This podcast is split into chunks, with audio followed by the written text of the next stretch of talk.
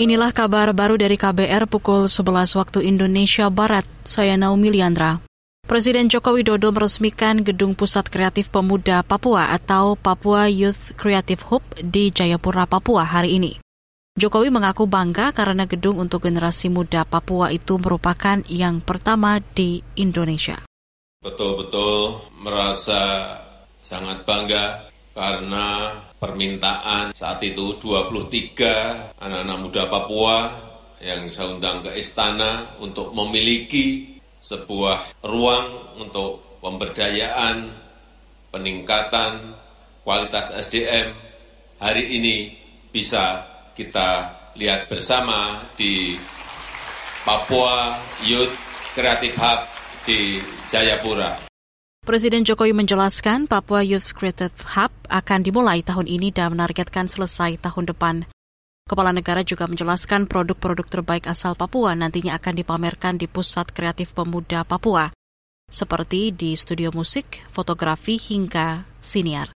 Sebelumnya pembangunan gedung Pusat Kreatif Pemuda Papua ini menelan anggaran senilai 105 miliar rupiah dan dibangun bersama dengan Badan Intelijen Negara atau BIN. Saudara DPR mengesahkan peraturan pemerintah pengganti Undang-Undang Perpu Cipta Kerja menjadi undang-undang hari ini.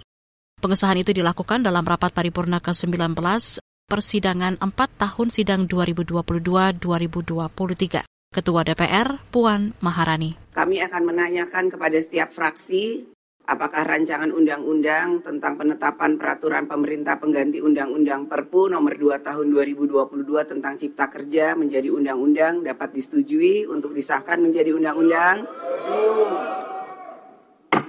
Itu tadi Ketua DPR Puan Maharani. Saat agenda pengesahan Perpu Cipta Kerja itu, fraksi PKS melakukan aksi walkout dan fraksi Demokrat menyatakan menolak disahkannya Perpu kontroversi itu. Dalam sikapnya, fraksi PKS menilai Perpu Cipta Kerja tidak sesuai dengan putusan Mahkamah Konstitusi yang memerintahkan perbaikan prosedur pembuatan Undang-Undang Cipta Kerja. Sebelumnya kelompok buruh mengancam akan menggelar mogok nasional awal Mei nanti guna menolak pengesahan Perpu Cipta Kerja. Kita beralih ke informasi pemilu. Kabar Pemilu. Kabar Pemilu. Komisi Pemilihan Umum KPU mengklaim menerapkan sejumlah strategi guna menciptakan situasi politik aman dan harmonis saat pemilu 2024. Menurut anggota KPU Idam Holik, strategi itu yaitu menerapkan komunikasi efektif, mulai dari komunikasi publik, media massa, kehumasan hingga kontra propaganda counter propaganda. Mengapa counter propaganda ini penting untuk uh, untuk kami masukkan dalam strategi komunikasi kami? Dahulu dalam penyelenggaraan pemilu serentak 2019, KPU pernah didera beberapa hoax ataupun disinformasi. Misalnya, dahulu ada isu tujuh kontainer surat suara pilpres telah tercoblos. Ternyata setelah dilakukan verifikasi, hal tersebut tidak benar, hoax ya.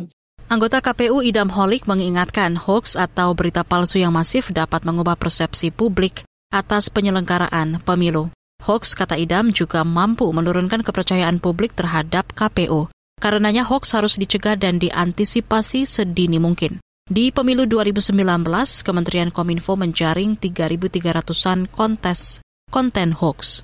Demikian kabar baru saya Naomi Liandra.